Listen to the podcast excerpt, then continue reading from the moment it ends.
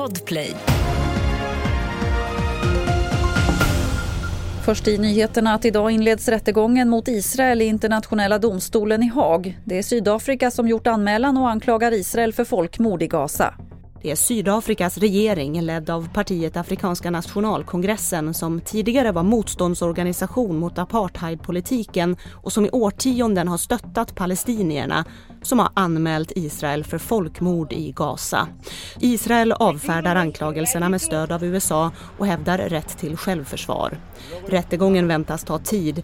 Det kan dröja flera år innan ICJ meddelar dom. Reporter här var Maria Snellman. En 21-årig kvinna och hennes ettåriga dotter dog efter att ha ätit giftig svamp. Det hände i slutet av augusti i Sjöbo kommun och nu är den rättsmedicinska undersökningen klar. Det här skriver Skånska Dagbladet.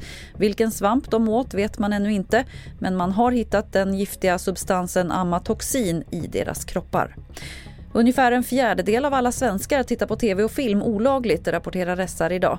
Den illegala strömningen ökade från 20 till 25 procent mellan 2022 och 2023.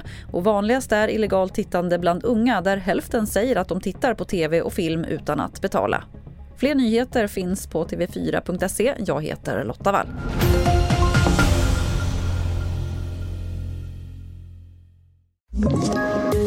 Poddtips från Podplay. I podden Något Kaiko garanterar östgötarna Brutti och jag, Davva, dig en stor dos skratt. Där följer jag pladask för köttätandet igen. Man är lite som en jävla vampyr. Man har fått lite blodsmak och då måste man ha mer. Udda spaningar, fängslande anekdoter och en och annan arg rant. Jag måste ha mitt kaffe på morgonen för annars är jag ingen trevlig människa. Då är du ingen trevlig människa, punkt. Något Kaiko, hör du på Podplay. Därför är gardinerna.